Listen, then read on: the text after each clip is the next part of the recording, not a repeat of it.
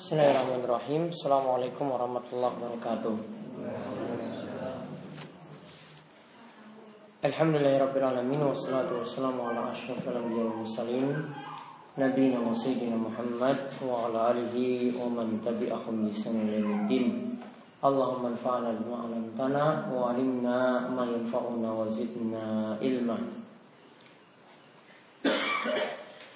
Alhamdulillah uh, para jemaah sekalian yang semua selalu dirahmati oleh Allah Subhanahu wa taala. Kita bersyukur pada Allah atas nikmat dan karunia yang telah Allah anugerahkan kepada kita sekalian. Sehingga pada kesempatan malam hari ini kita bisa melanjutkan kajian kita secara rutin.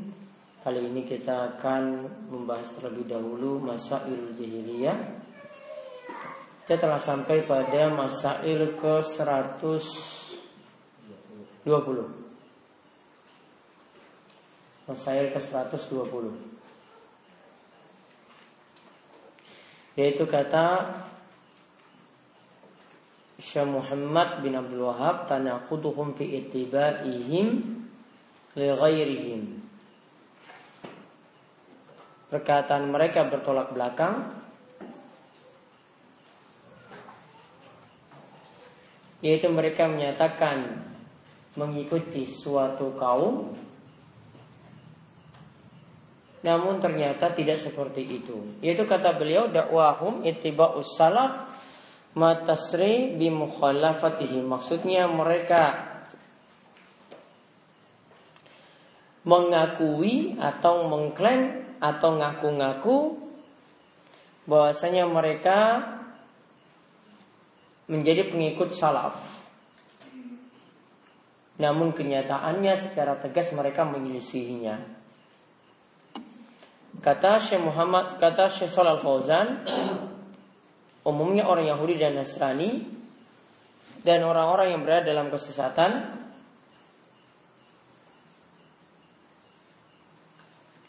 yang orang-orang sesat ini mengaku sebagai orang muslim juga mereka mengaku-ngaku bahwasanya mereka mengikuti orang-orang sebelumnya. Yaitu mengikuti orang-orang beriman sebelumnya. Orang Yahudi mengakui bahwasanya mereka mengikuti Nabi Musa alaihissalam dan mereka beriman kepada Musa. Orang Nasrani itu ngaku-ngaku mereka itu mengikuti Nabi Isa alaihissalam dan dan mereka beriman kepada mengakui beriman kepada Nabi Isa. Sedangkan orang-orang yang sesat dari umat Islam mereka ngaku-ngaku sebagai pengikut salaf dari umat ini dari sahabat tabiin dan pengikut tabiin namun mereka sama sekali tidak tidak berada dalam uh, mereka sama sekali tidak berada di atas kebenaran. Jadi kata beliau, tidak setiap orang yang mengklaim berada pada madhab salaf atau berada mengikuti manhaj salaf, tadi madhab salaf atau manhaj salaf, maka dakwah atau pengakuan mereka itu diterima. Tidak selamanya pengakuan itu diterima. Sampai ditimbang mereka itu benar-benar telah mengikutinya dengan benar. Jika mereka sesuai dengan manhaj salaf, maka itulah baru dikatakan mereka itu benar. Jika mereka menyelisihinya dan itu cuma sekedar pengakuan saja, maka mereka dikatakan keliru. Maka setiap kelompok sesat saat ini kata saya Fauzan, mereka semua mengakui bahwasanya mereka adalah pengikut salafus saleh. Namun sebenarnya kenyataannya tidak seperti itu. Padahal pengikut salaf ini seperti yang dikatakan oleh Nabi Shallallahu Alaihi Wasallam, mangkana ala misli ma'ana alaihi wa ashabi. Yaitu siapa saja yang mengikuti ajaranku dan juga ajaran para sahabatku. Adapun yang menyelisihinya, ya maka tidak dikatakan mengikuti manhaj salaf. Maka pelajaran penting yang bisa kita ambil di sini kata beliau wal ibratu laisat bidakwa. Yang benar itu bukan hanya ngaku-ngaku. Namun yang benar adalah kita lihat hakikatnya seperti apa. Maka orang yang ngaku-ngaku pengikut salaf itu banyak sebenarnya. Namun kalau kita timbang-timbang ya mereka tidak berada di atas madhab salaf. Kalau mereka itu bersesuaian dengan mandat salaf maka itulah yang dikatakan benar. Jika menyelisihinya maka itu cuma pengakuan semata. Ya mereka tidak berada di atas mandat yang benar. Begitu pula orang yang mengaku sebagai pengikut empat madhab. Namun dalam masalah etikot yaitu dalam masalah keyakinan mereka menyelisihinya maka pengakuan mereka itu tidaklah benar karena dalam masalah akidah ternyata mereka menyelisih imam mereka.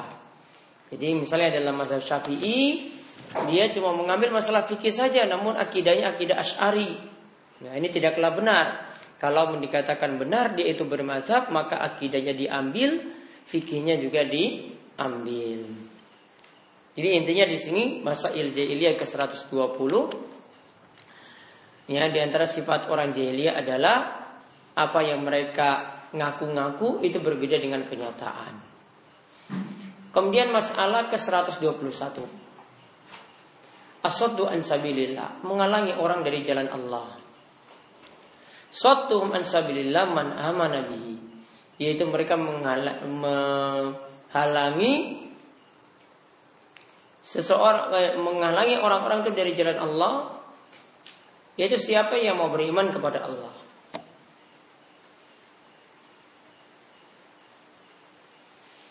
Kata Salal Fauzan yaitu mereka memalingkan manusia untuk masuk dalam Islam. Inilah amalan orang kafir yang dulu dan sekarang ini yaitu dari Yahudi, Nasrani dan juga orang-orang musyrik. Jalan mereka itu adalah menghalangi orang untuk masuk Islam. Setiap zaman dan di setiap tempat seperti itu. Dan setiap orang yang berada dalam kesesatan atau kelompok sesat, ya caranya juga seperti itu. Ingin memalingkan orang dari kebenaran. Mereka ingin menyesatkan menyesatkan kaum muslimin dan mereka mengantarnya kepada ajaran-ajaran kebatilan. Inilah seperti yang terdapat dalam Yahudi dan Nasrani. Mereka itu ingin menghalangi kaum muslimin dari mereka ingin menghalangi kaum muslimin dari Islam. Maka mereka itu berkata, Ta'alau natahawaru fima bainana. Marilah kita berdialog satu dan yang lainnya. Wa yakuluna bihuryatil adyan. Mereka katakan bahwasanya ada kebebasan untuk beragama. Namun ingat ya prinsip yang benar untuk bebas dalam beragama menurut ajaran Islam tidak ada. Islam itu menyuruh semua orang untuk masuk Islam.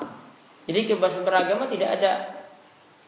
Namun orang-orang Yahudi dan Nasrani karena sudah lemah, tidak punya hujah yang kuat, tidak punya argumen yang kuat, maka mereka katakan, sudah kita bebas beragama lah. Kamu mau Nasrani ya Nasrani, mau Yahudi ya Yahudi. Namun kalau dalam Islam tetap suruh semua orang untuk masuk Islam. Jadi kalau ada prinsip seperti ini, katakan semua orang itu bebas memilih agama, itu sama saja memalingkan orang untuk masuk dalam Islam.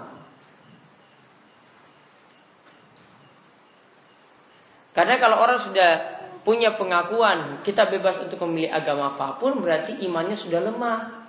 Akidahnya sudah lemah, sudah ragu juga pada agamanya yaitu agama Islam.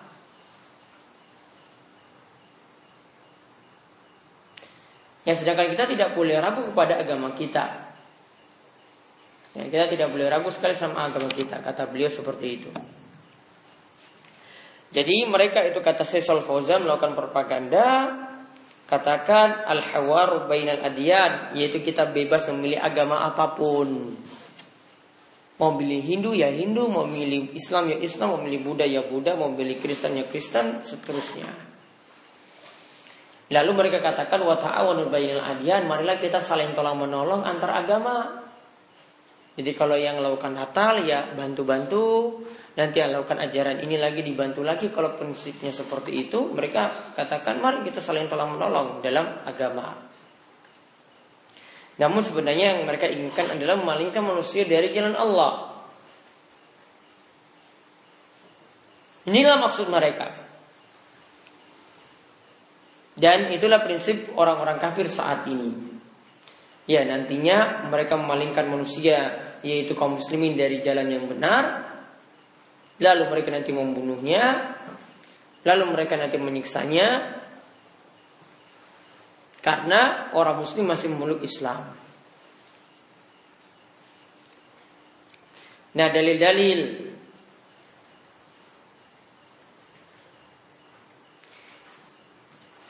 Yang menyatakan ada kebebasan beragama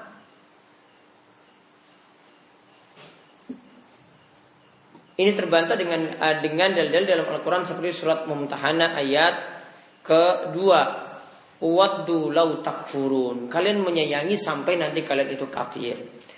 Juga firman Allah surat Al-Baqarah ayat 217 wala yazaluna yuqatilunakum hatta yaruddukum an dinikum in istata'u.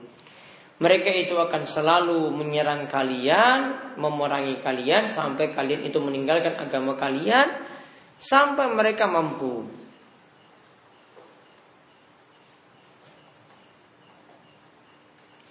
Juga dalam firman Allah surat An-Nisa ayat 89 waddu waddu law takfuruna kama kafaru fatakununa sawa. Yaitu marilah kita itu saling menyayangi, ini angan-angan mereka saling menyayangi, lantas kalian itu ikut kafir, nanti kami dan kalian itu sama-sama kafirnya. Namun intinya mereka di sini ingin menyamarkan kebenaran dengan kebatilan. Dengan menyatakan ya tadi prinsip semua agama itu sama. Intinya mereka itu ujung-ujungnya untuk menghilangkan Islam. Akhirnya mereka itu membunuh kaum muslimin, menindas kaum muslimin, dan mereka tidak ingin di muka bumi ini ada satu seorang, satu orang muslim pun yang hidup. Nah itulah angan-angan mereka dan maksud mereka nantinya. Jadi kalau ada prinsip seperti tadi, yaitu prinsip memalingkan manusia dari jalan Allah, itulah prinsip jahiliyah. Kemudian masail ke 122. Mualatul kufar. Sifat Orang jahiliyah itu adalah loyal pada orang kafir. Atau memiliki kecintaan yang besar pada orang kafir.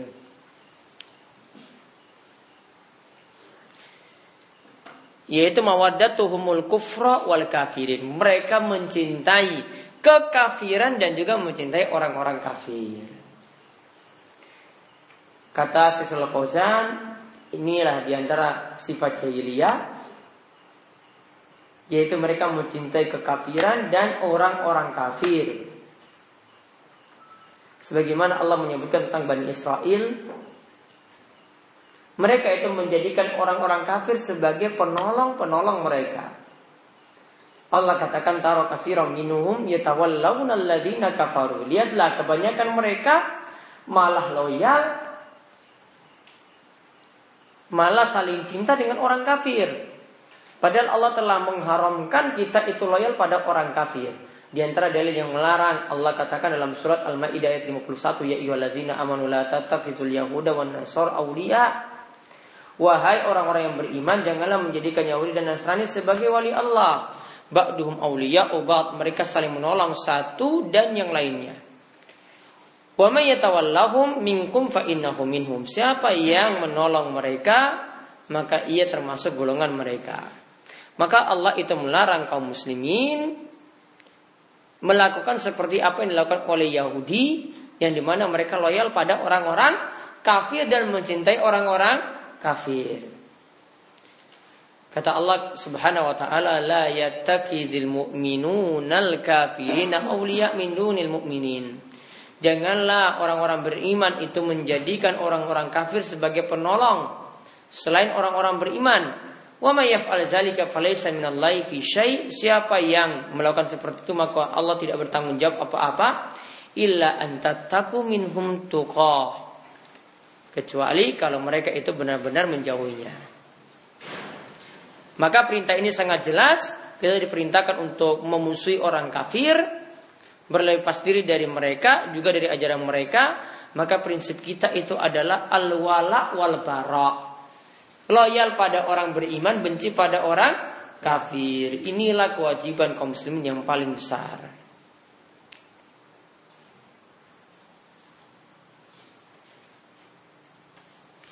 Dan prinsip yang perlu diperhatikan di sini jika orang itu mencintai orang kafir karena kekafiran orang kafir.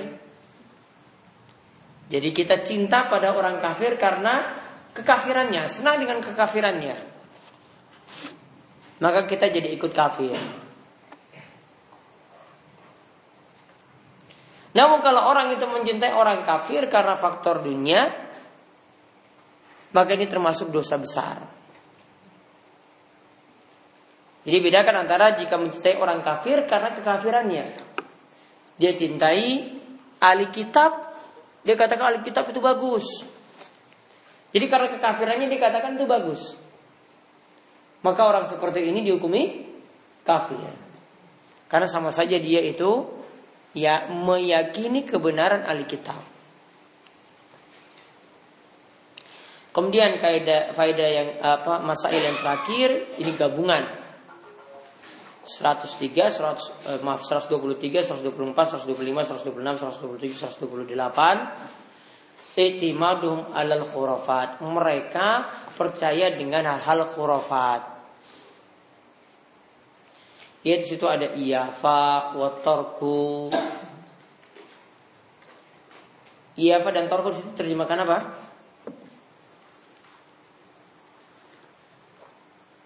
Iyafa di situ terjemahkan apa? Hah?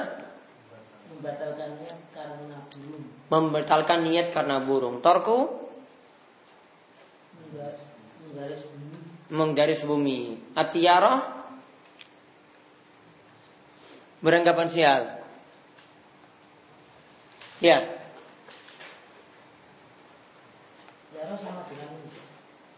Taib. Oh, nanti ada keterangannya di bawah.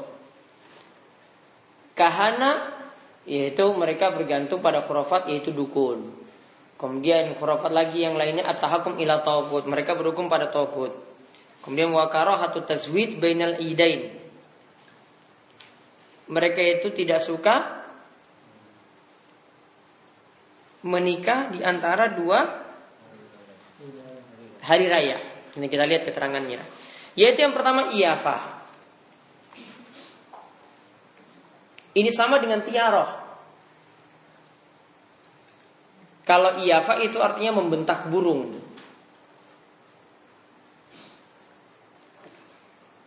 Tiaroh juga demikian. Yaitu di masa jahiliyah kata Syekh Fauzan, orang jahiliyah itu biasanya beranggapan sial dengan burung.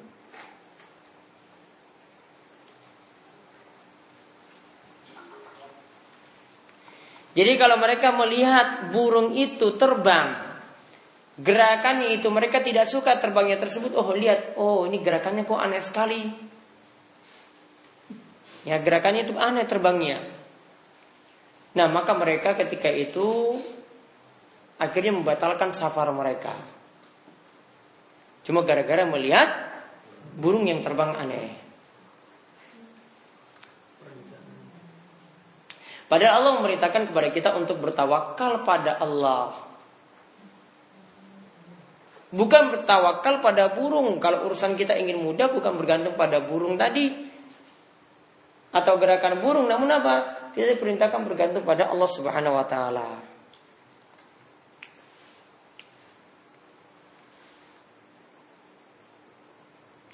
Nah, kalau kita itu ini kan kalau tadi burung tadi mereka mau pergi jadi safar enggak, jadi safar enggak. Bingung kan? Kalau dalam Islam sudah ada solusi, lakukanlah sholat istikharah. Ya, nanti berdoa setelahnya ya semoga Allah itu memberikan meminta supaya Allah itu memberikan petunjuk pada yang benar. Juga Allah memberikan solusi atau dalam Islam memberikan solusi dengan bermusyawarah dengan orang-orang yang baik. Ya, ketika melakukan istikharah tadi. Jadi sudah ada solusinya dalam Islam, bukan dengan cara melihat gerakan burung, namun dengan tawakal. Lalu kalau melakukan sholat, lakukanlah sholat istikharah untuk menentukan pilihan. Kalau atorku itu buat garis di tanah,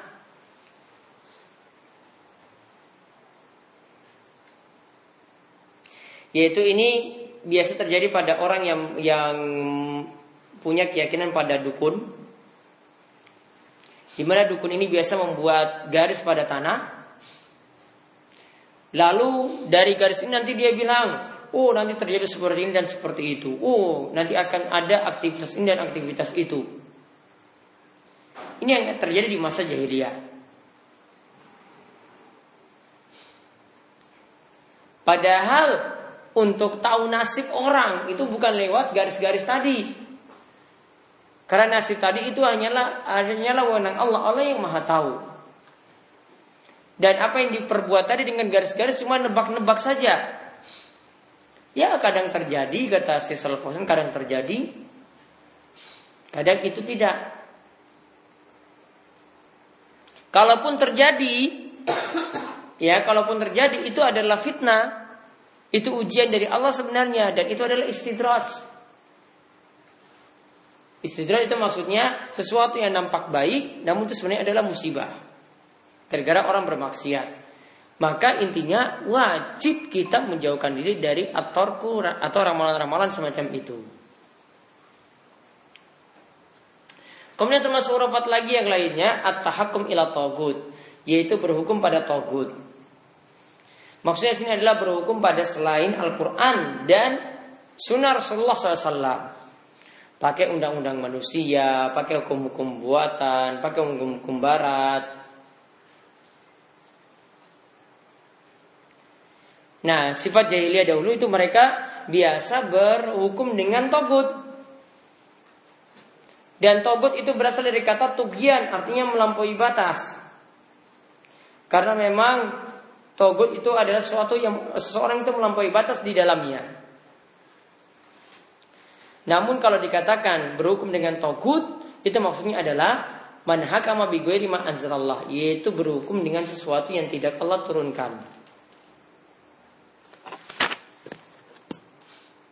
Maka wajib bagi kaum muslimin berhukum dengan Al-Quran dan berhukum dengan hadis Nabi SAW karena Allah itu katakan fa in tanaza'tum fi syai'in faruddu ila Allahi wa rasuli In kuntum tu'minuna billahi wal yawmil akhir. Jika kalian benar-benar mencintai ya jika kalian itu berselisih pada suatu perkara, maka kembalikanlah kepada Allah dan Rasulnya jika kalian beriman kepada Allah dan hari akhir. Surat An-Nisa ayat 59.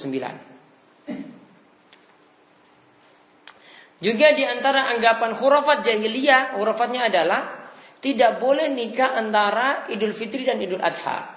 Berarti bulan apa sih itu? Sawal. Terus Zulkaidah, Zulhijjah. Mereka anggap sial untuk nikah pada hari-hari tadi. Itu hari terlarang untuk nikah. Nah, seperti itu kata Syekh itu bagian dari tiarah. Padahal Allah memerintahkan pada kita untuk menikah di waktu kapan pun Kecuali bagi orang yang sedang ihram berhaji atau umrah maka dia tidak boleh menikah memang dalam keadaan dia berhaji atau umrah tadi.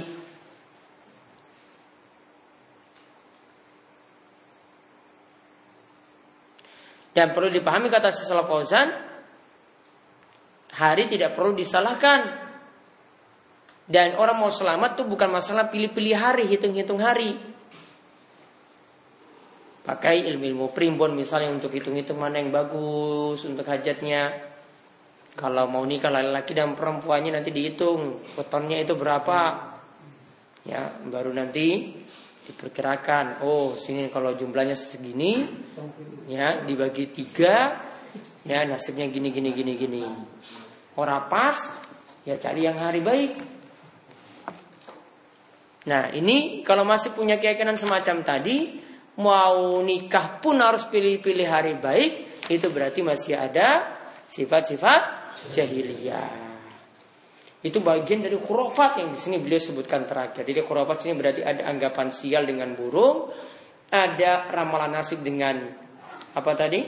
Garis, ada situ percaya pada dukun, ya mau buat hajatan besar ya pakai dukun-dukun dulu, pakai pawang-pawang dulu, ya kemudian berhukum dengan selain apa yang Allah turunkan yaitu Al-Quran, kemudian tidak suka kalau nikah ya di hari-hari tertentu kalau orang jahiliyah dahulu antara ya Idul Fitri sampai Idul Adha.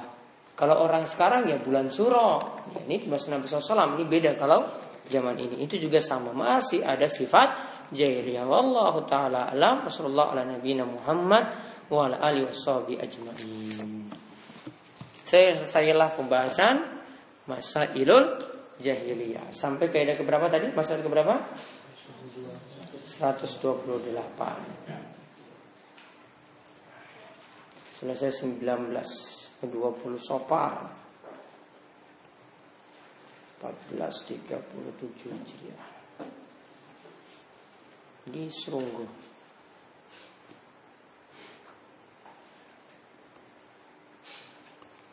Kita lihat Bulughul Maram.